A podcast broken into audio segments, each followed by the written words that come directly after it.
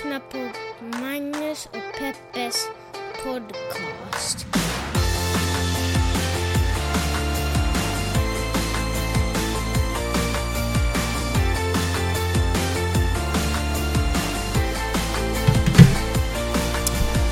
Hallå internet och hjärtligt välkomna ska ni naturligtvis vara till podcasten som i vanlig ordning heter Magnus och Peppes podcast. Det här är ju en podcast som en gång i tiden kom ut eh, ungefär två gånger i veckan. Och nu kämpar vi med att få ut den uh, en gång i veckan. Men vi är fortfarande här och jag är så otroligt glad och tacksam för att uh, du som lyssnar också är med oss. Det här är en liten podcast där vi pratar om de stora och de små händelserna i världen. Vi gör det ur journalister, feminister och perspektiv. Nästan så många gånger har jag sagt det så att jag skulle kunna säga det så snabbt, men eh, lite kvar eh, har jag att öva. Hur är läget Peppe? Det är bra Magnus. Vad har du pysslat med? Jag har redigerat mitt hästmanus. Vad sa du? Jag har redigerat mitt hästmanus. Jaha. Hästboksmanus. Okej, alltså. hur mycket är det kvar på den? Kanske hälften. Alltså boken är skriven, nu styr jag bara upp alla små fel och lägger till och tar bort. Det är mycket häst i ditt liv nu. Ja. Jag känner att det faktiskt, jag trodde aldrig någonsin Har du skulle säga det här. OD på hästar? Nej men det känns som det är för mycket hästar. Okej. Men alltså jag har ju ridit en privathäst som eh, vars ägare behöver motionera den. Och han letar efter någon som kan leasa den, men jag tänker inte... Alltså det är jättedyrt att leasa, jag, har liksom inte råd att leasa en häst. Nej. Och eh, förra veckan så sa han via min ridinstruktör, han vågade inte säga det själv åt mig, sa han så här att, att han måste nog börja ta betalt för den här hästen. Jaha, det- via din instruktör? Ja. Är det sant? Ja, det var så, alltså för då hade jag talat med honom jättemycket, en timme innan dess och dagen innan, men inte sagt ett ord. Och så var hon sådär att, men att han kan gå ner i pris. Och då tänkte jag sådär, okej, det, här, det här blir ett sätt för mig nu att backa ur den här dealen. För att, så jag textade honom i morse och sa, hej, jag hörde att du vill börja leasa din häst. Jag har tyvärr inte råd att göra det, men jag kan ju motionera den ifall du liksom behöver det. Och då svarade han blixtsnabbt och var sådär, nej, nej, nej, nej, det är okej, du får rida den Det är gratis. sant. Tills jag hittar någon som leasar den. Varför tror du han gjorde det? Jag vet faktiskt inte. Varför ville han först ha pengar och sen backade han supersnabbt? Tror- Vad betyder sådana äh, händelser, eller ak- vad säger man? Vad betyder sånt beteende? Men alltså, jag tror, ja, det är ju dyrt att ha en häst och han har ju tre hästar sammanlagt. Så det kostar honom väldigt mycket pengar varje månad att Alltså ha det de är dyrt att ha hästen där han har hästen. Hur? Ja, ja, men alltså det är väl dyrt att ha hästar i vilket fall som helst. Det är veterinärkostnader och olika sorters mat och så skadar de sig och blir sjuka och det Alltså det är dyrt andra. att ha sjuka hästar? Ja, och hästar blir alltid sjuka. Jaha. förr eller senare. Och, eh, och försäkringar och så vidare. Så, vidare. så jag tänkte, jag tror att han testade lite, att det skulle ju vara trevligt om någon betalade. Men, eh, men han tycker också att det är otroligt jobbigt att rida två eller tre. Han är inte så bra på att rida heller. Han är en sån person som först skaffade häst och sen lärde sig rida. Men vadå, så när han rider så får inte hästen heller motion? Ja, men den får mig, jag tror att han tycker det är bökigt att rida så många hästar. Det går ju hela dagen till att rida hästar. Vadå då. så många hästar? Han har alltså tre hästar.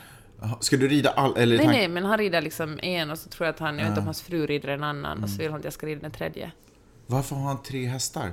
Jag vet inte. Fuck, det- han håller på att bli en hoarder känner jag. Ja, och i ordets rätta bemärkelse, för det är ju En verkligen hord. En hord. Men, eh, men det var väl någon annan som också ville att du skulle rida hästar? Ja, men i samma veva så hittar min kompis Frida ett ställe där hon ska jobba som hästcoach. Nej, inte hästcoach, Nej, men equus coach. Hon coachar människor genom hästar. Otroligt intressant och spännande. Vi måste återkomma till det där, men Ja. fortsätt. Ja. Och, eh, och då visade det sig att ett ställe de har två jättefina frisiska hästar. Som inte Vad, alls hette, vad var det för någonting? Så här frisiska hästar, det är bara en speciell ras. De är så här sagohästar med lång man och, Mhm. och de får heller ingen motion för att ingen har tid att rida dem. Och det var ägaren till det stallet sådär att men superschysst om du... Det är liksom inga nybörjarhästar som kan liksom inte slänga vem som helst på dem för att de slänger av folk. Och så sa hon så att supersnällt om, om du kunde komma och motionera dem då och då. Och jag är ju, det är ju någonting jag längtar efter hela mitt liv. Så, så fort någon frågar om jag vill rida deras häst gratis svarar jag ja. Och nu känner jag att jag har liksom jättemånga hästar att rida. Det är ju ett annat ställe dessutom. Det här är ännu högre uppe i bergen i, i Topanga. Så vad, är status här nu då alltså? Status är att jag håller på att drunkna i hästar. Okej. Det här är ditt största problem den här veckan. Ja. För vilka hästar? Och vet du Magnus, jag har jobbat så lite. Är det sant? Har verkligen, efter bokmässan, efter att jag skickade ut alla fakturor, har jag verkligen bara pysslat lite med bloggen, pysslat lite med mitt eh, bokmanus, snacka lite om eventuella samarbeten med bloggen. Men alltså Men, så men vem har du lite. snackat? Alltså, vadå snackat? Nej, men folk hör av sig och säger att hej, vill du annonsera min blogg? Och i Mm. nio fall av tio är det liksom så här spelbolag. Och sen de, den, den där sista ena av tio är sen ett vettigt bolag och så håller på att förhandla hur mycket de kommer att betala mig för podden, äh, bloggen och så vidare. Mhm. Ja. Bra, tack för hästuppdateringen! känner mig som en kinesisk eh, kalenderguru för den här veckan har det verkligen gått i djurens tecken. Eh, och, eh, för vi har ju också varit kattvakter. Ja. Vad tycker, du har ju nästan alltid i ditt liv, om du har haft ett djur hemma, har du varit hund. Har du haft några andra djur förresten? Har du haft typ kanin eller Ja, marsvin? eller? kanin, ökenråttor, vandrande pinnar. Vad är det för skillnad på ökenråttor och vanliga, och vanliga råttor? Vanliga öknar? eller vanliga råttor? Är det det att det är råttor som bor i ena är öknen? sand och den andra är djur. Ja, den ena springer runt i öknen och den andra springer runt i avlopp. Nej men alltså ökenråttor är mer det är som möss, de är så Mm. små gulliga, de är inte såna bruna feta med tjocka och nakna svansar. Okej. Anywhos. Eh, men nu har du haft katter. Har du haft, van, har, du vana, eller, har du haft katter förut? Nej. Hur var upplevelsen att ha katt? Mycket bra. Vad är katter för sorts djur för dig? Men de är ju så mysiga. Alltså de håller sig borta från en, låter den vara i fred. De klassas ju som falska. Eller det är många som, de som inte är supervana vid katter säger att åh nej, jag skulle aldrig kunna mig en katt. De är så falska, man kan inte läsa Men dem. vet du, jag har hört det där så många gånger så det sitter kanske i mig lite. Mm. Jag känner mig ganska misstänksam mot dem. Älskar de mig på riktigt när de kommer fram eller vill de bara ha en tjänst? Liksom? Vill de att jag ska klia den bakom öronen? Ja. Men... eh, men Det är åtminstone på den nivån tjänsterna ligger, så det är inte sådär att den bara åh, har du 500 spänn för jag var ute på stan eller sånt. Nej. Det är ändå lite sådär, kan du klia mig bakom örat? Ja, men det kan man väl bjussa på ändå. Ja, det tycker jag. Men hör du, otroligt trevligt. Mm. Varför typ då? Berätta. Så mysigt, just för att de håller sig borta och så plötsligt promenerade någon förbi och Mm. man ser något i ögonvrån och man just det, vi hade ju katt. Alltså, väldigt mysigt. De är ju liksom verkligen som fam- alltså jag är ju född och uppvuxen med katter. Eh, mina första minnen från mitt liv är liksom omgivna av typ sju stycken kattungar, eller sju katter. Eller blandat, skitsamma. Eh, för min pappa födde upp, eh, jag säga siamesiska tvillingar, men det gjorde han inte. Det var det Men- experimentet höll på, på 70-talet. Ja, han hade jättestarka glasögon. Nej men jag ska bara. Nej men han, eh, han födde upp katter och siameser alltså.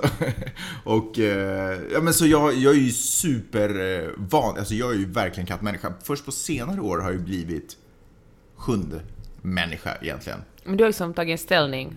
Du, du tycker Nej, att man nej. måste välja. Nej, nej, men det, nej men du vet, folk tenderar att göra det. Jag tycker vi ska stå emot det. Ja, nej, men jag är verkligen, jag, jag är kanske mer en djurmänniska, period. Eh, fast det finns djur jag inte föredrar. Anywhos, eh, så det var roligt att se er. Vidde var ju i kaostillstånd. Stackarn, han bara grät den första dagen. Bara, ja, men f- liksom de, ja, för att katterna reagerade inte så som han ville reag- att de skulle reagera. För när han kommer ner till landet och hänger med mina föräldrars hundar så då är ju naturligtvis som hundar är alltid uppe i ens ansikte och vill ha uppmärksamhet och vill vara till lags.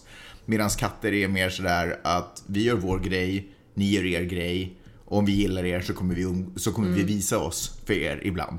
Och ibland så kan ni få klappa oss. En Liksom. sån belöning när de visar sig för en. Eller hur? Det, det känns ju Man bara, ännu... jag? Väljer du mig? Det känns ju ännu större när de hoppar upp i ens famn eftersom Ja. man inte har sett dem på hela dagen och för alla andra så springer de i vägen och liknande. Men jag måste säga att, eh, alltså verkligen att ha djur och barn är nog genialiskt. För det som spel har lärt honom... Eller idioti. Antingen har man dem båda i sitt liv Nej, eller så har man ingen deras i sitt liv. ja, exakt. Men det finns otroligt mycket som barn kan lära sig av att ha djur som till, eller husdjur som till exempel katter.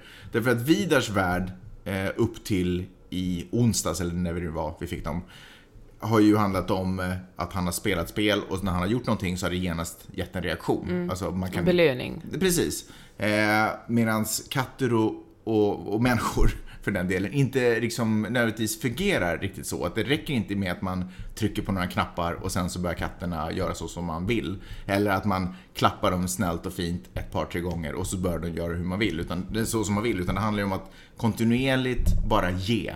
Utan att förvänta sig någonting tillbaka. Egentligen också så som det är att vara förälder faktiskt om jag ska vara helt ärlig.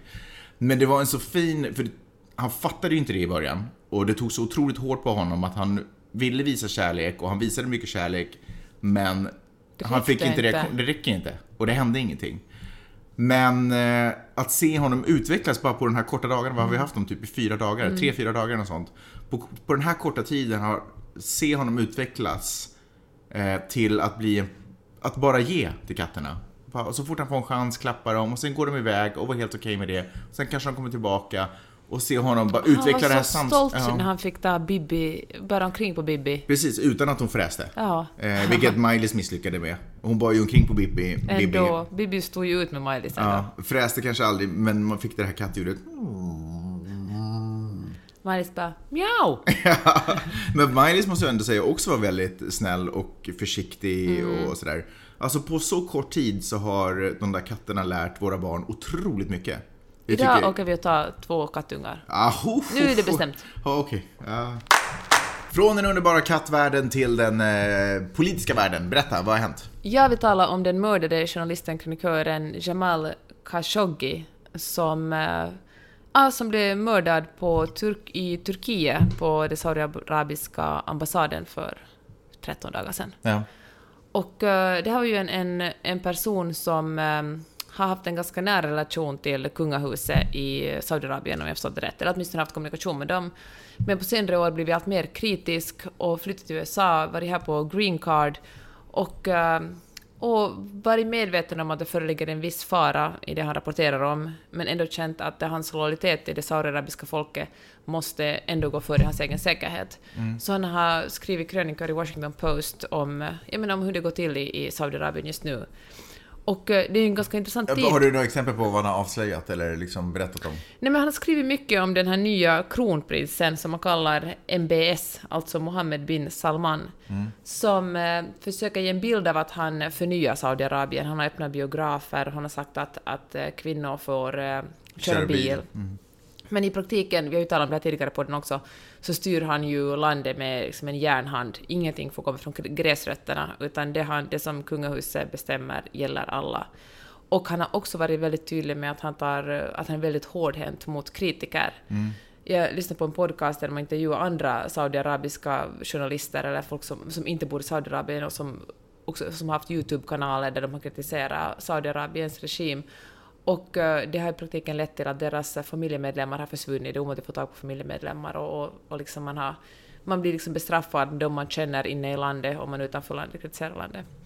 Och ehm, den här eh, journalisten som senast blev mördad, han, han var tvungen att gå till ambassaden bara för att han ville gifta sig med sin fästmö. Så hon stannade utanför ambassaden, han gick in och det är det sista man har sett något av honom. Och samtidigt så flög det in ett gäng saudiska fan, jag tänkte säga ämbetsmän, men ämbetsmän är kanske inte mördare, men alltså någon slags myndighetspersoner, åkte till eh, ambassaden och då som du säger, där har torterat honom och styckat honom. Jag sa inte det, det var ju förra tagningen. Ja, vi gjorde det här två gånger.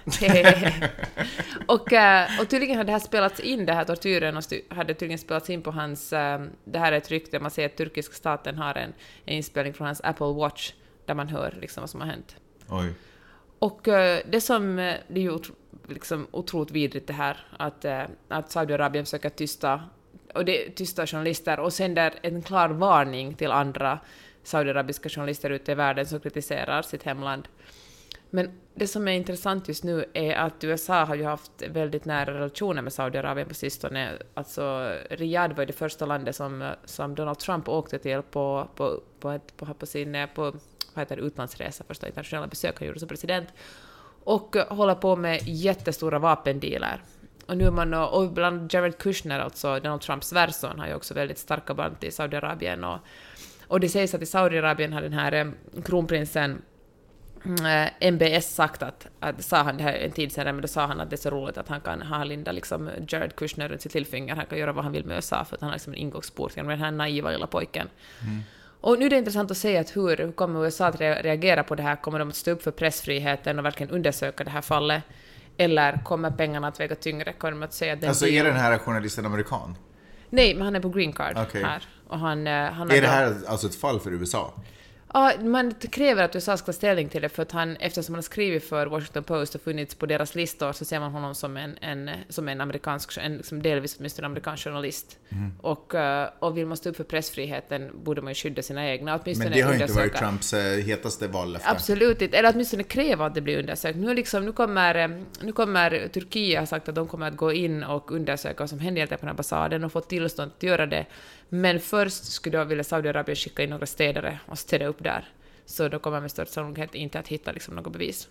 Alltså hur, hur hittades den här journalisten? Var du skickad, vad, hur... eh, Han sägs för han har inte, man har inte hittat honom, han är försvunnen. Ah, han är försvunnen? Ja. Så Den- man, men hur, den här Apple Watchen då? Tydligen har man hittat, nej men tydligen inte själva watchen men alltså du vet, allt går upp i molnet. Ah, ja, så man har, hittat, man har liksom hackat in sig på hans moln och, Ja. och hittat inspelningen? Precis. Okej, men hur vet, så man vet inte om han är Nej. stupad? Nej. Men äh, det finns tydligen tillräckligt mycket information som rör sig. På som- den där ins- ljudinspelningen. Okej, men han är i princip försvunnen fortfarande. Ja, Och allt det här hände, hände, hände på Saudiarabiens ambassad i Turkiet någonstans. Yes, Inte yes. säkert i huvudstaden. Eh, så sjukt att det kan ske på ambassader. På en ambassad. Alltså, Ja. jag, alltså min enda erfarenhet är ju, när det kommer till ambassader, är ju liksom finska ambassaden. Och, Och- inte ens det, Ja, generalkonsulatet. finska generalkonsulatet. Och bara bilden av, och jag har ju sett hur det ser ut där, också på insidan. Eh, alltså en liten... inte minst eller tortyrkällare eller... Alltså, och bara tanken, förlåt att jag menar att jag ska ta bort det här, men bara tanken på att någon skulle liksom dras in ja, men det känns ju som en spionfilm. det är ju liksom, det är ju helt absurt att det finns ambassader från så korrupta länder så att de till och med har, har möjlighet att göra sådana här saker Mm. på ambassad. Att de inte liksom drog ner honom i en källare någonstans i Turkiet utan att det faktiskt var på Men det måste skyddad finnas mark. något, men precis, det var på saudiarabisk mark. Ja, ja, precis. Nej, men det är ju, eh, eller residensen, du vet, i någon himla tortyrdungeon eller något liknande. Det kan ju för sig finnas här i Bel Air en sån. Vi har bara inte varit nere i den Det ännu. är sant, det finns ju faktiskt platser vi inte fått gå till när det kommer till det huset. Eh, nej men alltså det är ju helt sjukt. Vad skulle du säga är oddsen att Trump kommer göra någonting? Otroligt små. Mm. Alltså, money talks liksom. Det för mycket pengar inblandat, för mycket dealar med Saudiarabien. Idag, när vi spelade in det här för några timmar sedan, har han sagt och gått ut och sagt att han tyckte det är dåligt att journalister mördas. Liksom. Men det är ungefär så långt han kommer att gå. Ja. Eh, tragiskt, men i det där fallet får man vara glad för det lilla, antar jag. Jag har förresten börjat lyssna på den här boken som den här, um, den heter Fear. Och det, handlar, det är den här journalisten, den gamla garvade journalisten som skriver en bok om hur Trump kom till makten och sådana saker. Woodward. Ja, just det, precis. Förlåt, jag glömde bort vad den hette. Men eh, otroligt eh, spännande. Ja. Och eh, hur, jag har inte kommit hemskt långt. För jag gjorde det bara under dagens gympass. Men du vet att jag har kommit ganska långt för jag lyssnar på det i dubbel hastighet. Jag ska återkomma till den boken när jag kommer lite längre in i den, för än så länge, än så länge har som sagt inte så mycket hänt. Eh, i, I och för sig är, alltså det jag egentligen nu inledningsvis är fas- fascinerad av är hur han har fått till, alltså hur han, all, all den här informationen som han har grävt fram. Den är ju nästan skriven som en roman. Eh, men otroligt liksom mycket detaljer och mycket information om mailutväxling och sådana saker. Och vad han bara får tag på den, det är otroligt fascinerande. Men det är väl det som kallas för grävande journalistik och han har inte säkert jobbat med det här i en, i en fiskvart utan han har jobbat länge med den. Men skitsamma. Eh, Får jag säga en sak om amerikaner och eh, just sådana här dokumentärer och faktaböcker. De är ju så otroligt duktiga på att eh, packa in det i en, liksom en, ett underhållande paket. Alltså verkligen, de kan ju till och med göra det av fotbollsmatcher. Alltså de är ju otroligt duktiga på dramaturgi, spänning och... ja. Och Ja, att att... sälja saker är väl det det handlar om. Ja men precis. Och det, kan, det låter ju, när du säger att sälja saker låter som en dålig sak, men jag känner att, Är det inte det då? att nej men ju fler som får reda, alltså så länge det är fakta och det är sanning, jag tänker att man, fakta kan väl också kan man ju också informera om på ett sätt som får folk intresserade i en man liksom, Så länge man liksom inte tullar på sanningen för dramaturgins eller liksom, liksom för, Jag fattar vad du säger, men det, tycker- det jag tycker är tragiskt, och vi har pratat om det också tidigare, är ju att vi, inte, att vi lever i en värld där gemene man, inklusive mig själv, har svårt att ta till mig information om det inte kommer i underhållande form. men tror du att det var bättre för Nej, jag tror inte att det var bättre för i världen. Jag tror att, absolut att världen är på många sätt en mycket bättre plats, men det betyder inte att allting var dåligt för. Jag tycker till exempel respekt för språk och respekt för innehåll kanske var bättre för men å andra sidan är det inte tillgängligt för lika många. Eh, men jag tycker, inte att det, jag tycker att det finns saker man kan kämpa för att få bibehålla och saker som man... tristessen? Ja, och- ja precis. Och saker som eh, det lönar sig att bara lämna och gå vidare ifrån. Men det är ju inte... Alltså, Ja, men jag tänker, jag, jag, jag tänker att det finns en viss ängslighet i att säga att om det är fakta ska det vara tråkigt och tungrot. Att man kan Nej, men det behöver inte vara tråkigt och tungrot, men jag tycker att om om det kan få presenteras som fakta och inte som någon form av underhållning, så tror jag också att vi gör det lättare för oss att särskilja dessa två. För ibland så är underhållning... Mm. Men känner du också- den här boken du läser är liksom mer underhållningen än, än dokumentär Nej, och fakta? den är nog dokumentär och fakta, men den är absolut underhållande. Det skulle jag verkligen säga. För problemet är att det finns ju också underhållning som bara är underhållning. Mm. Och om fakta är så otroligt nära underhållning så tror jag att det är ganska svårt för väldigt många människor att lära sig att förstå skillnaden.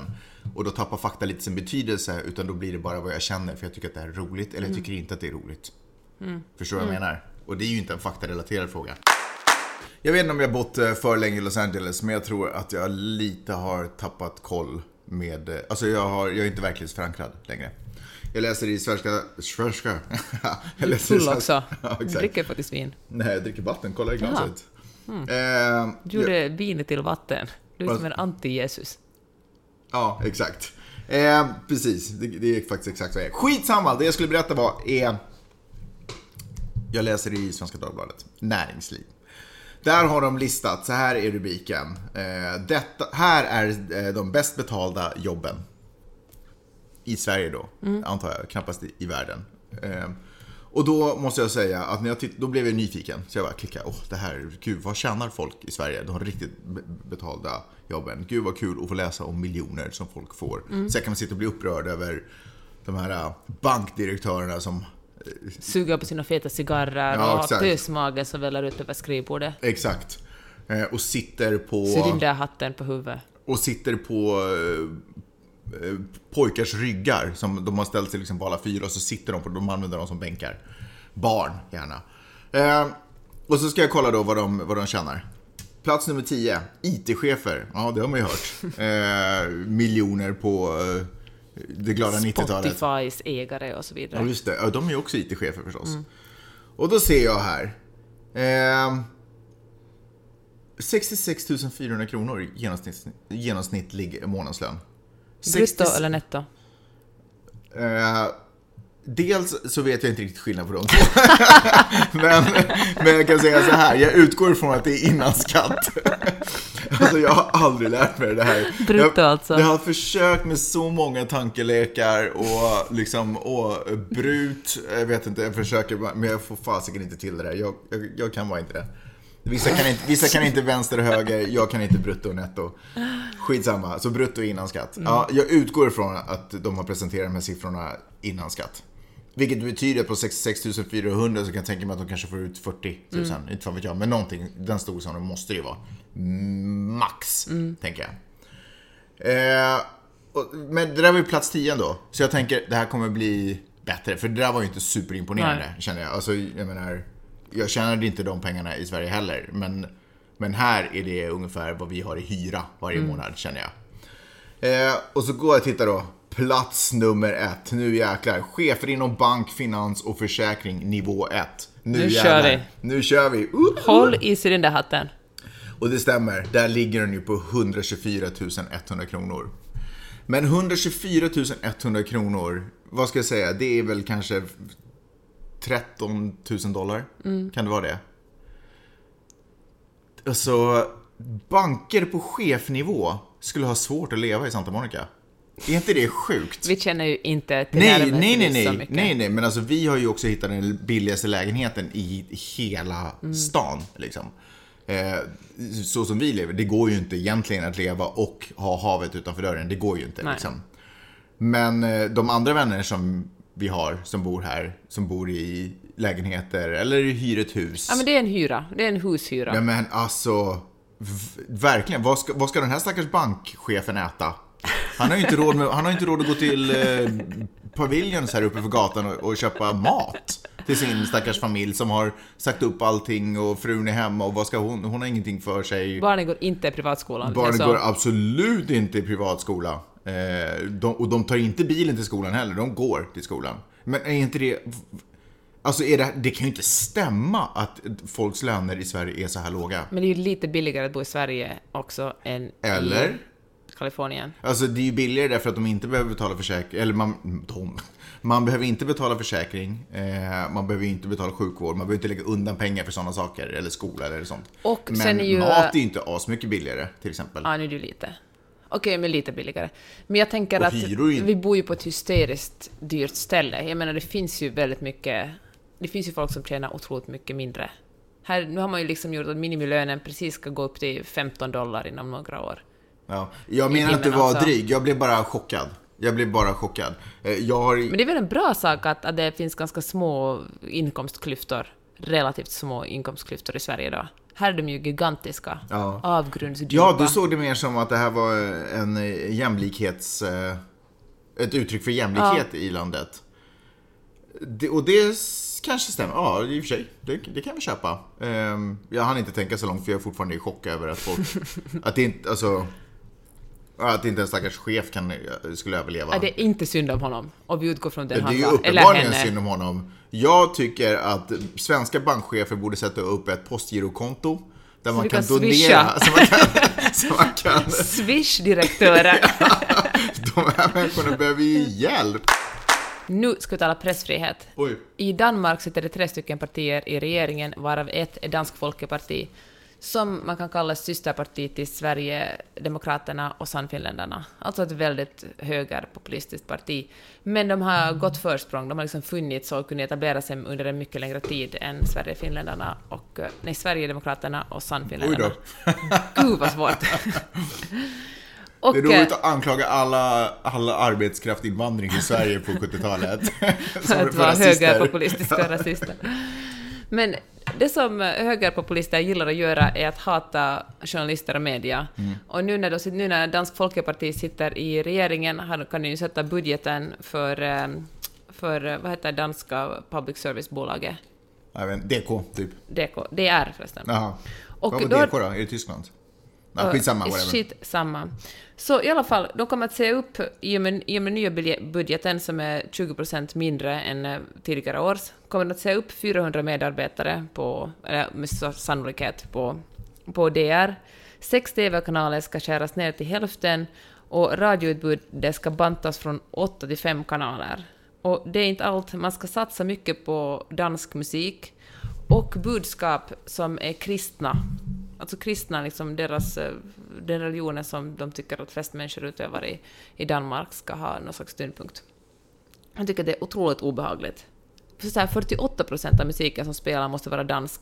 Men och, alltså, det ska i fem- genomgående, säga, och det ska genomgående vara tydligt att det danska samhället vilar på kristendomen. Det var så de eh, formulerade det. Alltså, är, vilket var- underligt, för jag tänkte att sådär, rasister och nazister, jag tänkte att de var mer fornnordiska. Att de, de tyckte det var viktigare, att det borde vara mer sådär, Asaguds... ja, tro, att det borde vara mer samtal om det i radio, typ någonting. Fast kristendomen, det är ju bara ett fuck you till alla, liksom till, till islam. Men det är, fine, fair enough. Men det är ändå lite förvånande för mig att högerextrema tenderar att vilja dra det åt det kristna hållet.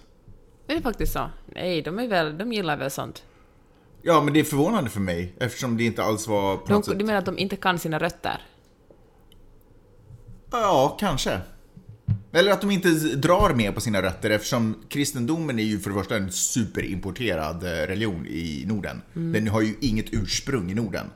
Och jag tänker att det, liksom, det borde ligga närmare till hands. Plus att jag tycker att de alltid går omkring med något Torshammar, alla rasister på stan. Typ så att det är väldigt mycket vikinga-grejer. Nu kan det ju vara att, att Dansk Folkeparti inte ser sig själv, alltså de är ju inte en, en närmare, de är liksom en förfinad rasistversion. De är liksom en, de är en kammade, Mhm. de är kammade, vad ska jag säga, Nordiska motståndsrörelsen. Ja.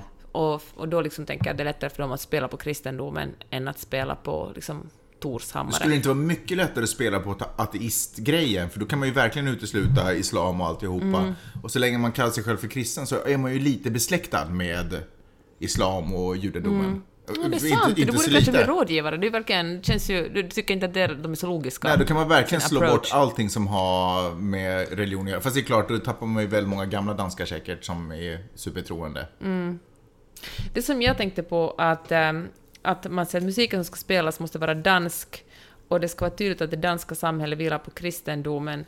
Mm, Att det där med att vara dansk betyder det att det måste vara producerad i Danmark av danska personer. Jag tycker det är så svårt när man ska definiera en kultur på basen av, en, av ett land. Vad betyder det att vara svensk till exempel? Eller vad betyder det på att vara finländare? Att vara finländare idag är ju ändå någonting som är helt annorlunda än när våra föräldrar var unga till exempel. Man hade, Är det det? Men jag tänker om man lyssnar, det är ju otroligt mycket mer internationellt nu. Det har kommit folk, eftersom det är så lätt att resa på grund av flyktingkriser, det kommer folk från hela världen och introducerar ny sorts musik. Jag menar, internet har ju också gjort våra länder otroligt mycket mer internationella än före internets tid. Jag menar, definiera vad det är, eller vad, vad säger du, vad är typiskt svenskt? Eh, alltså, vet du vad? Jag tror att det är omöjligt att svara på den frågan om man bara säger att vara svensk är en sak. Men det är klart att det finns någonting som binder oss samman som är födda och uppvuxna i landet. Jag tror att det är dels en, en eh, ryggmärgsförståelse för hur, systemet fungerar. Som gör att vi väldigt lätt kan navigera och vi förstår direkt varandra när vi pratar om hur saker och ting ska funka och vi klagar på typ samma saker och vi, och vi hyllar ungefär samma saker.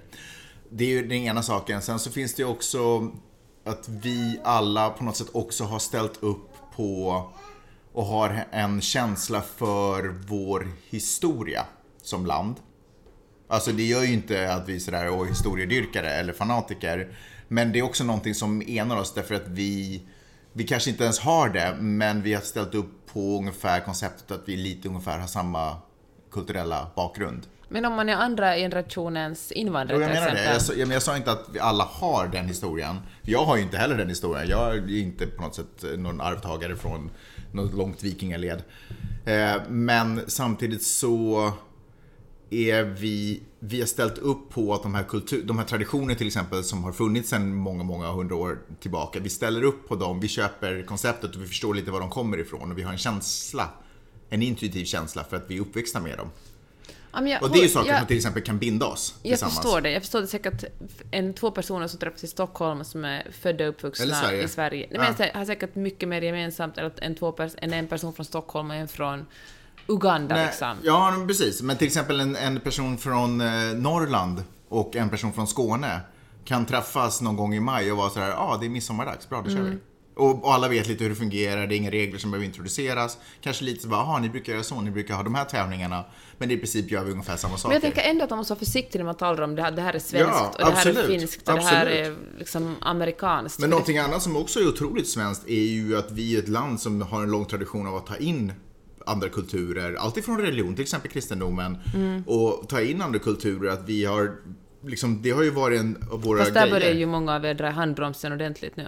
Precis, men det är ju inte majoriteten trots allt ändå Nej. som drar i handbromsen. Att jag skulle nog ändå säga det är kanske inte många som vill, som vill eh, befatta sig med det eller tycker att det är en bra del. Men det är fortfarande en ganska en lång tradition som vi har haft i vårt land tycker jag. Det finns ju många saker som gör oss till svenskar.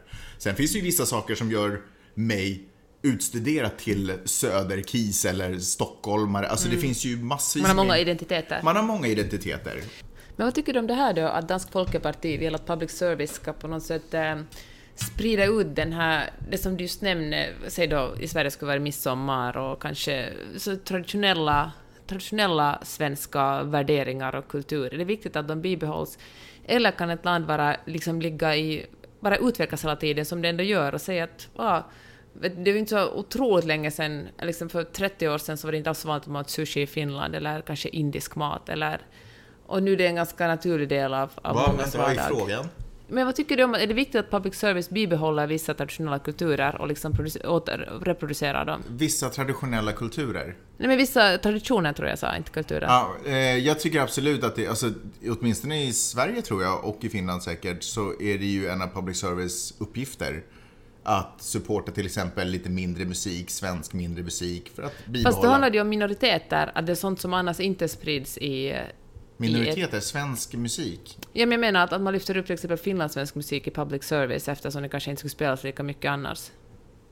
Nej, det handlar ju om att supporta modersmålet. Det är väl det det handlar om. Att, att också ge, för det är så otroligt mycket influenser från andra länder. USA som är en otroligt mäktig liksom, eh, musikhubb som bara spottar ut och, och lätt kan ta över och dominera. Och då är det ju ganska viktigt och, ganska bra tycker jag ändå att public service har det uppdraget att, eh, att också ge alternativ så att det också ändå finns en möjlighet att få lyssna på någonting annat som inte bara är massproducerat. eh, Ja, sånt som inte är så som- kommersiellt kanske. men som är inhemskt, för annars dör ju också, annars finns ju risk att vår inhemska musik dör. Därför att den kan inte konkurrera med det, det stora.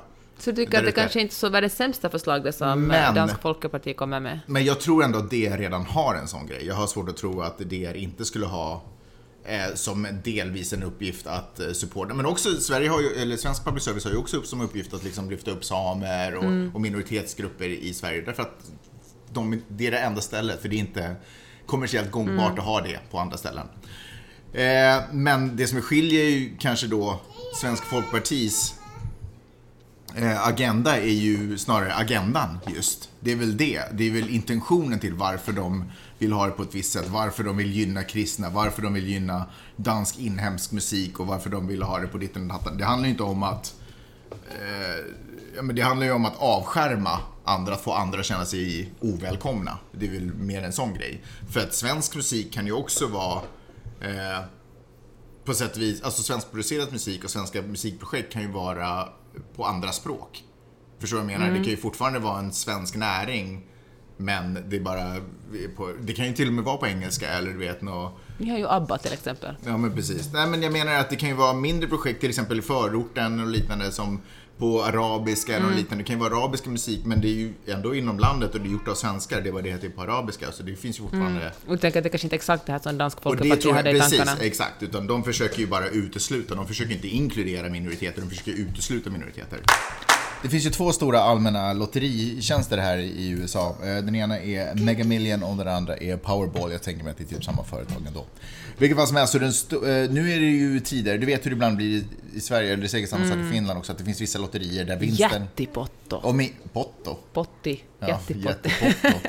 Det har det varit länge utomlands. Alltså kan man ens säga potto? Betyder det någonting? Nej. Jättepotto. Okej, min finland, finska är inte så stark idag. Nej, du tänkte dessutom Heller. säga din finlandssvenska, tänkte du nästan säga också. Anyways, så eh, när, när, inte, när en stor vinst inte har cashats ut, då blir folk lika ledsna som Miley's nu. Men det som händer med storvinsten är att den går vidare till nästa dragning. Den, liksom- och så läggs det på lite till. Och nu har det skett också i Mega Million och nu är den uppe i 600... Nu är den uppe i 654 miljoner dollar. Och det här skulle betalas eh, på, ut på 30 år ungefär.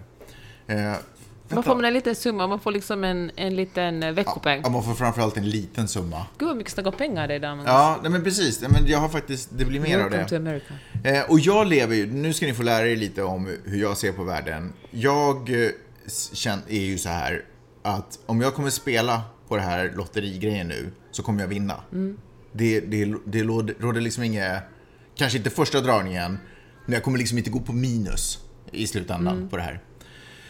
Och eh, så, så jag tänkte så här, för, eller först när, när det gick så här, oh, för det var ju mycket snack på stan, så här, folk bara, åh shit det är storvinsten nu, nu borde alla gå och spela, du vet så här som det ibland blir ibland i Sverige. Eh, och så, så, så tänkte jag så här, ja så gick jag och fyllde i en lottorad, några lottorader, eh, och sen så bara, nej men shit, tänk om jag vinner. Alltså vill man ha 650 miljoner dollar? Det här är liksom motsvarande mitt problem att jag ska rida en häst fem gånger i veckan. Ja, vill man ha det ansvaret? Ja. Ibland så får man ju vara lite försiktig med vad man önskar sig. För vad, vad händer med ens liv när man har så otroligt mycket pengar? För det första så måste man ju hela tiden se sig över axeln. För man blir ju ett villebråd direkt kan jag tänka mig. Man måste ju hålla det hemligt, tänker jag. Det, Mm. ja. liksom, det går ju inte att säga att man har en halv Men hur miljon. går det att hålla det hemligt då? Ja, Köper precis. ett stort hus, man bara hehehe. Ja, och det går ju omöjligt att bo kvar så här farligt ifall det på något sätt ändå har slunkit ut. Ifall någon på Mega Million Du måste börja låsa dörren, Magnus. Ja, exakt. Och jobba datorn. Eller i och för sig, då kanske man kan köpa en ny. Men, eh, nej men alltså bara, för det är faktiskt, alltså helt seriöst. Jag är lite rädd för att lämna in den här blanketten. För att, För du kommer att vinna. Eller vi kommer att vinna. Jag fyllde ju faktiskt i varannan siffra. precis. Eh, för vad gör man med så ohyggligt mycket pengar? Om du hade 654 miljoner dollar, vad skulle du eh, vilja göra med de pengarna? Men jag har ju, jag har ju tänkt lite på det efter att du fyllde i de här Ja. Du blanketterna. skulle vilja leasa en häst, eller hur? Jag skulle gissa hästen. Nej, men jag tänker så här, då är man ju tvungen att eh, först, först befriar man alla som står en nära från sina lån. Ja, Man men sen bara- har man då 654 miljoner kvar. vad gör man sen då? Köper ett hus, skaffar en Teslan, gör det bekvämt för sig. Ja, du har fortfarande 654 miljoner dollar. vad gör du? Men då tänker jag så här, för jag tänker i teorin känner vi Alltså en miljon Får är jag- ju liksom 10 miljoner kronor. Alltså det är. Får jag bara fortsätta? Då tän- tänker jag så här, då måste man ju liksom, man tänker så här, då ska jag fortsätta jobba och leva mitt liv som vanligt. Men det kommer ju inte att hända. Nej. Men jag tror att man blir deprimerad om man inte Ja. gör det. Och då känner jag så här, då måste man gå in i uh, välgörenhet. Man måste börja jobba med välgörenhet. Ja, ja. man måste bara börja resa runt och liksom ta reda på och se det som sitt, sitt yttersta ansvar att de pengarna man har kommer till goda syften. Ja. Man betalar dem för att sluta kriget i Jemen till Mm. exempel. Al- Alltså verkligen, alltså, någon, någonting i min livsfilosofi säger ju att världen skulle vara en bättre plats om det inte fanns pengar, för då kunde man bara ägna sig åt det man ville ägna sig åt. Men jag är helt övertygad, om jag hade haft så här mycket pengar, Då skulle podden ryka. Nej men alltså, ja, det finns ju inte en suck på jorden att jag sitter och gör det här för er då. Nej men det skulle jag faktiskt kunna hålla kvar vid. För det, Alltså jag menar inte den här podden, den här podden skulle vi såklart fortsätta. Men jag menar... eh, att alla andra skulle få leta efter en klippare. Ja, exakt. Det är så det avslöjas om vi vann. Ja, du bara, sorry. Helt plötsligt börjar man höra på internet bara, hej vi söker en ny klippare, vår snubbe drog, jag vet inte vad som hände. Han Då, inte ni som lyssnar på podden, ni bara, wait a minute. Exakt. Nej men, eh, nej men alltså ambitionen skulle, på något sätt skulle ju leva, vara att inte behöva ha pengar, att bara kunna göra det man vill. Men alltså med så här mycket pengar så tror jag att allting skulle kunna bli tråkigt. För säga vad man vill om pengar, men det här att inte ha tillgång till allting och lite få jobba för att få tillgång till det man kanske drömmer om, dumt eller inte, eh, fast det är en Apple TV-dosa eller en du vet, hyra eller vad det är. Men att få jobba lite för det ger... Mm. Eller så är man bara så indoktrinerad. man värderar det mer helt enkelt för att man kämpar för någonting. Ja, och jag tänker, nu är inte jag eh, någon biolog eller evolutionär, eh, att jag har koll på människans evolution och så. Men människan har ju ändå alltid kämpat för saker, tänker jag mig. Inget, inga bär har trillat ner i, i, i skålen när man satt i grottan. Utan allting har liksom föranletts av ett arbete. Och jag tänker att det är en, kanske en ganska stor del av vår eh, oss. Att det finns en tillfredsställelse att jobba för det man sen får ihop. Liksom. Och att det man har fått ihop är liksom, ah, I made this. Liksom, det här är någonting som jag har gjort. Eller, och sen även fast man delar med sig av det till andra så är det, finns det liksom en tillfredsställelse i att man har dragit ihop det här. Så att bara få, alltså, bara få så här mycket pengar och sen också, ja men du vet, ja, med det också en lapp som säger att varsågod, det här är ditt och det, egentligen generationer efter digs liv. Ni behöver aldrig bry er om någonting. Måste ju vara förödande för själen. Men då blir det till att bygga skolor och vet du, kämpa mot eh, klimatkatastrofen. Alltså det här är ju en halv miljard dollar. Det är ju lika mycket som säkert vissa små länders BNP måste det ju typ vara. Någonstans i den storleksordningen. Tänk att någon kommer att vinna det här förr eller senare. Ja, exakt. Fast det kan ju vara flera som vinner och det delas på. I och för sig, om vi har tur så är det ju 650 miljoner, 654 miljoner per som vinner. Så det blir bara typ en dollar per person. För att mycket mer än så tror jag inte att de här människorna, eller vi, är, är redo att hantera. Eh, med det sagt så har Forbes också släppt en lista över de mest rika och framgångsrika, eller inte framgångsrika, de rikaste kvinnorna. America's richest self-made women. Och där toppar Diane Hendricks som eh, har ett företag. Jag vet inte. ABC heter det. Ett litet företag. Eh, hon är värd, och det här är inte företaget, hon är värd 4,9 miljarder dollar. Tror du hon är lycklig? Det är ju, ja, nej men det är, men det alltså, det är ju inte, det går ju inte att mäta. Det, går, det, det kan man faktiskt inte se på en lönecheck, om någon är lycklig eller inte.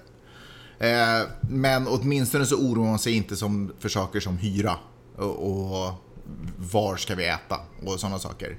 Men eh, det finns massa saker att oroa sig för i livet. Eh, den rikaste personen som man kunde tänka sig att man känner igen är ju Oprah Winfrey. Hon har ju alltid klassats som galet rik. Hon ligger på sjätte plats på 3,1 miljarder dollar. Eh, och sen så rullar vi ner lite längre ner och då hittar jag inte någon mer namn som jag känner till. Nej, det var slut där. Jag trodde jag skulle hitta något till. Men det, ja, Madonna, här. Madonna ligger här på, hon är en fattiglapp egentligen i förhållande till de här höjderna. Hon är bara värd 590 miljoner Men dollar. hör du, good for you. Jag är ju, fan vad jag hejar på Madonna. Hon är ju 36 också en hästperson. Hon är också en hästperson. Ja, det vet ju alla som följer henne på Instagram. Ja, det vet man. Så, um, ja, där ser man. Där har vi, det var det. En liten så, Inspirations- Lite eh, kuriosa. Eh, men det är ju faktiskt inspirerande att det finns så här, så här många och då är det ju förstås inte alla eh, kvinnor på jorden som är rika som står listade här. Men det är faktiskt ganska inspirerande att se en lista på 60 namn med rika self-made women som inte bara ligger på så här 20 miljoner dollar utan verkligen Tänk att de här kvinnorna har varit tvungna att kämpa dubbelt så mycket som snubbarna. Inte Ja. nog med att de ska vara otroligt, eh, jobba hårt, vara hängivna, ha tur, utan de har också varit tvungna att krossa glastak efter glastak. Ja, det stämmer. Och det står man icke vid som Oprah så det varit ännu tuffare. Mm. Och där får man ju ändå säga att Madonna är ju en av de som har varit med och krossa eh, glastak. En annan som faktiskt också varit med och krossa glastak är ju Barbra Streisand. Hon ligger också på listan på 48 på 400 miljoner. Och sen några namn eh, som är lite yng yngdomligare. Beyoncé, eh, Kim Kardashian och Taylor Swift ligger alla mellan på 60 till upp till 50 plats på typ 300 Det ser mille. man. 300 miljoner dollar. Så, ta det och fundera på vad ni skulle göra med pengarna innan ni börjar jaga dem. För ibland får man det man önskar och det är inte alltid goda nyheter. Hej! Har du frågor och kommentarer så kan du mejla min mamma och pappa på Magnus gmail.com. Gör det!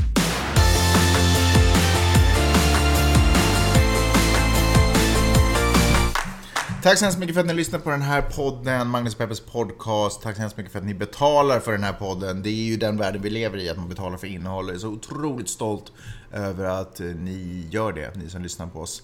Eh, råkar du händelsevis vara någon som inte gör det och ändå lyssnar på vår podcast, så då kan du lätt korrigera det genom att gå in på janetteochman.com, eh, titta i högerbalken, det här är om du gör det på din laptop typ.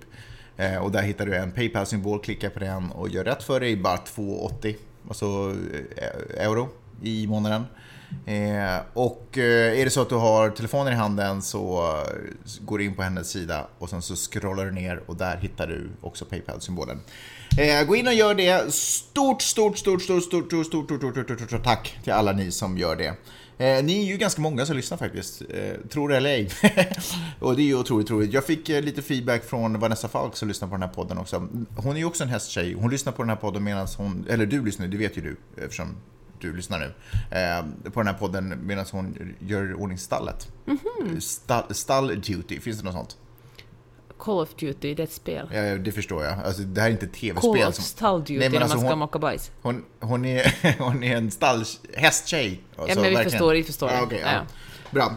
Och hon eh, kom också med feedbacken om att hon tycker att jag avbryter dig mycket. Ja, det stämmer ju. Det var ju tjejen smiley efter, men det betyder ju inte att det inte var sant det jag sa. Men Finns, du det, ir- avbryter mig otroligt mycket. finns det ironiska smileys? Alltså, finns det en smiley-symbol som är sådär sorry, not sorry, typ? Eller så? Men det är väl alla smileysarna? Ja, eh, okej. Sorry not sorry betyder ju faktiskt precis alla, alla emojis. Jag har verkligen tänkt på att jag inte skulle avbryta dig i det här avsnittet. Hur det gått då? Nej, men jag, det- jag tror att det går ganska bra. Jag får kanske lyssna igenom avsnittet Ja. igen och Jaha. kolla. Skitsamma, vi har Det fått får annan man feed- säga, det finns ju mycket man kan säga om dig Magnus. Både ont. Men en sak som... Både ont. Nej, men, och ont. men alltså, ibland tar du faktiskt till dig feedback. Ja. Du är den där gamla hunden som eventuellt kan lära dig sitta. ja, kanske. Hörru, I alla men fall. vi har fått annan feedback också. Ja, men förra avsnittet talade vi ju om eh, kvinnor som blir ihop med rövhattar till män. Ja. Och då var din lösning på det problemet sluta bli ihop med idioter. Får jag bara säga en sak? Det borde verkligen designas en rövhatt. Det finns ju det här uh, pussy Men man kan hat. gå som halloween som rövhatt. Ja, men det finns ju en Man bara pussy går hat. som man. Det finns ju stickad pussy hat, eller hur? Ett år gick jag ju som man faktiskt. men Klädde herregud, ut mig som man på åtminstone så halloween. lyssnar jag på vad du säger. Okej, du menar det finns en stickare pussyhatten. ja, så det skulle ju kunna finnas en rövhatt också. Du vill liksom virka en riktigt hårig... Nej, men det är bara en polokrage som man har klippt av, som man drar ner.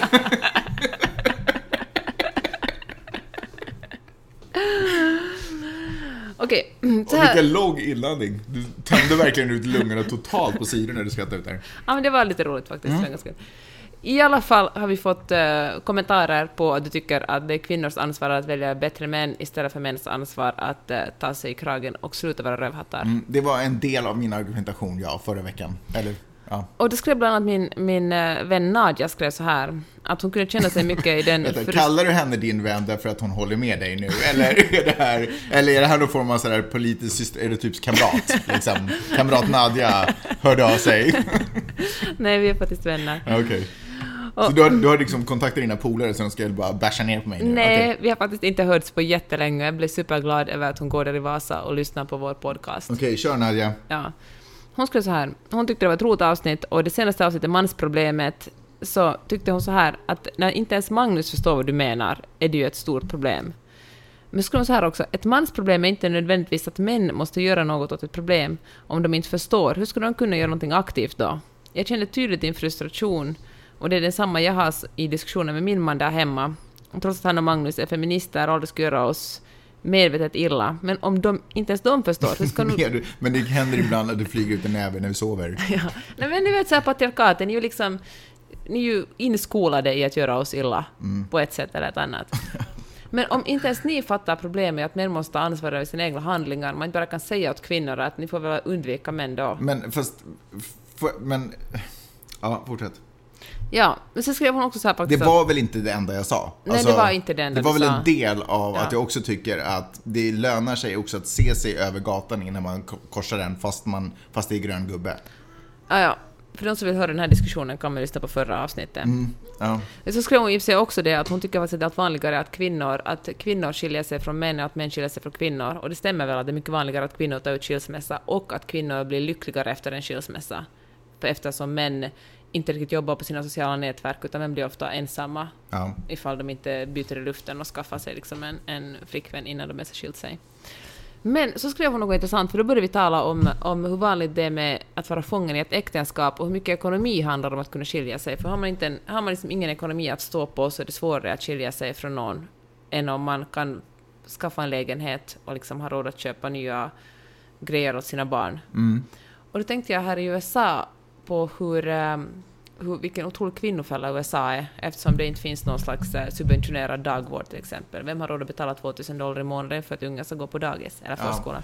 Det är sant, men för, förlåt att jag avbryter dig. Eller vill du säga Mm. Det, bara? det blir inte bättre av att du säger förlåt jag avbryter och sen avbryter. Men Det var en paus där. då skrev hon så här att man romantiserar äktenskapet så mycket i USA. Och det har jag faktiskt aldrig tidigare tänkt på, men det gör man ju.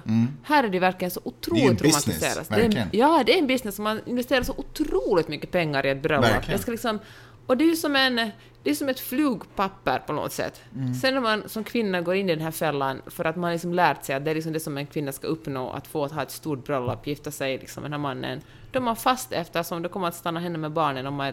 För Det är sant. Kärnfamiljen är ju också otroligt hyllad här. Men kan vi prata lite om det här uttrycket fällan? Det här är ju inte en, en cunning plan med en fälla som är otroligt välmaskerad som ingen kvinna bara inte ser. Utan kvinnan vandrar likt Rödluvan på stigen på väg till mormor med sin korg och bara helt plötsligt smack slår fällan igen och kvinnan finner sig där i. Det är ju inte så. Nej. Den här kvinnan vet ju att hon är ute på en stig där det är minor överallt.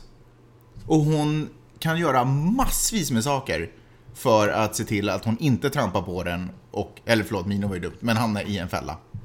i och för sig sant, men det är ju också så att vår kultur skuffar ju ut den på den här stigen. De är att åh, heteronormativitet, skaffa en man, då blir du bra. Kolla, vi alla andra, vi skaffar också... Men är det inte kulturen vi vill ändra? Vi vill ändra det och Ja. därför är det viktigt att vi talar om det. Och sen Absolut. tror jag faktiskt också det... För det är ju 2018 nu. Man, det är helt jätteonödigt att vandra så naivt ut i världen och tänka att åh, det här med ekonomi, det löser sig säkert för mig i framtiden. Ja, så här som vi.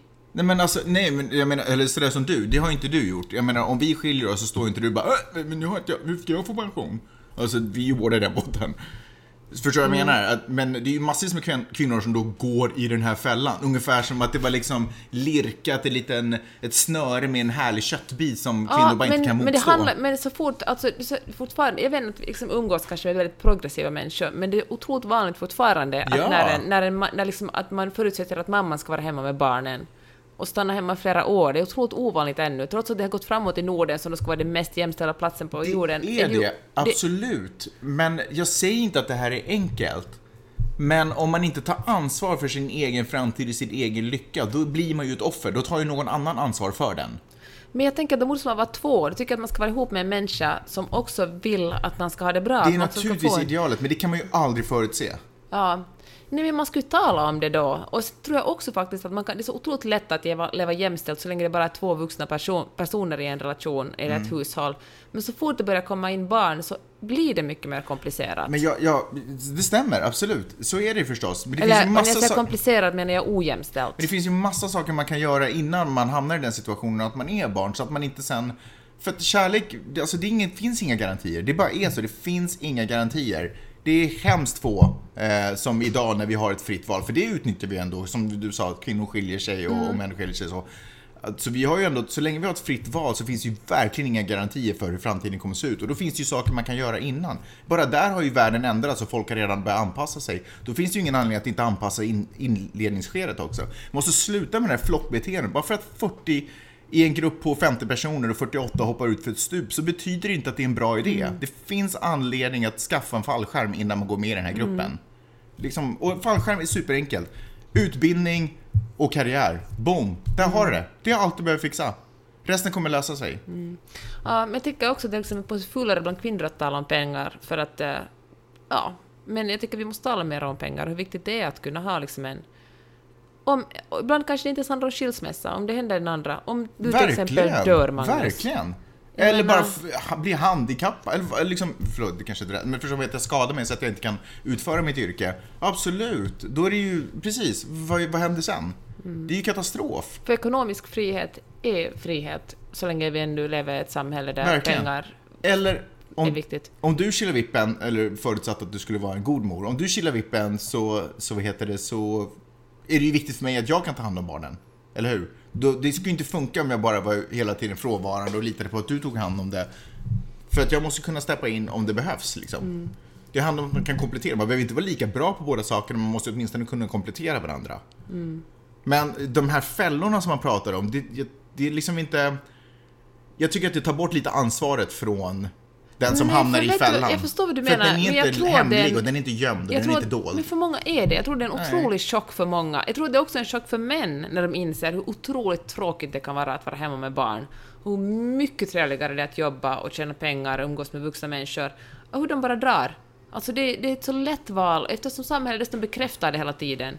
Jag tror inte som att det finns män som planerar att åh, när vi får barn, då ska jag bli en, en ojämställd rövhatt. Jag tror att det bara blir så. Det är så mycket som vi gör i, i i, som vi bara gör per automatik. Som du säger, för att alla andra gör det, eller för att det är helt enkelt det lättaste. Och så tror jag att folk tänker så här också. Eftersom alla andra gör det, det måste ju vara ett någorlunda fungerande val. Om man gör som alla andra, det behöver jag liksom inte på samma sätt ta ansvar över mina handlingar. Vilket ju i och för sig inte stämmer, men det känns som ett, åtminstone safe.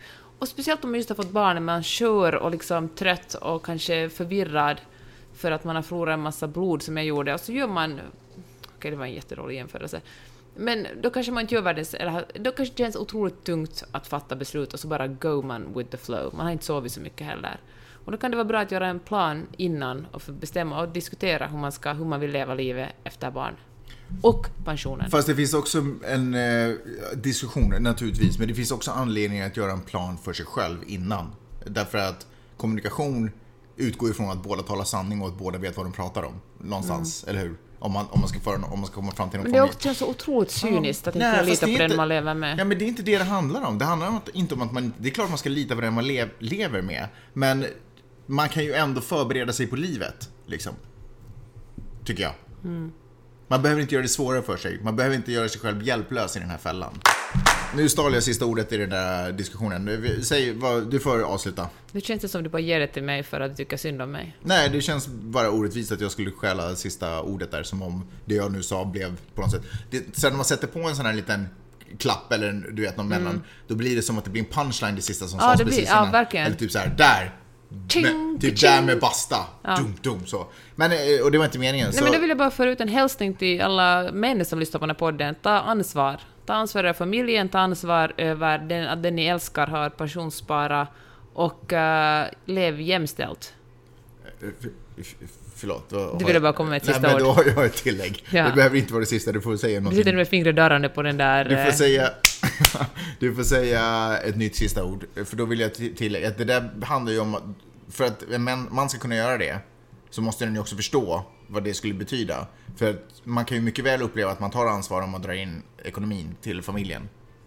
Men alltså, man måste ju ställa lite krav på män ändå. Man kan ju öppna en bok och läsa den. Det Fast vi pratar ju om att det är män som ska göra någonting åt det här, inte kvinnor som ska göra någonting åt det här. Men vet du vad, jag tycker att det är på tiden att män tar lite ansvar över Ja. steg, sina handlingar. Och Ja, då ja, fan, men- läs, läs på om feminism, försök förstå samhället du lever i, se dina egna privilegier och var en handlingens man.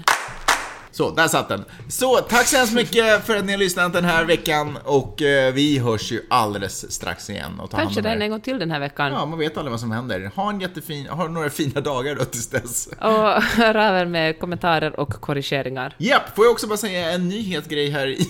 Nyhetsgrej. Skämtar du?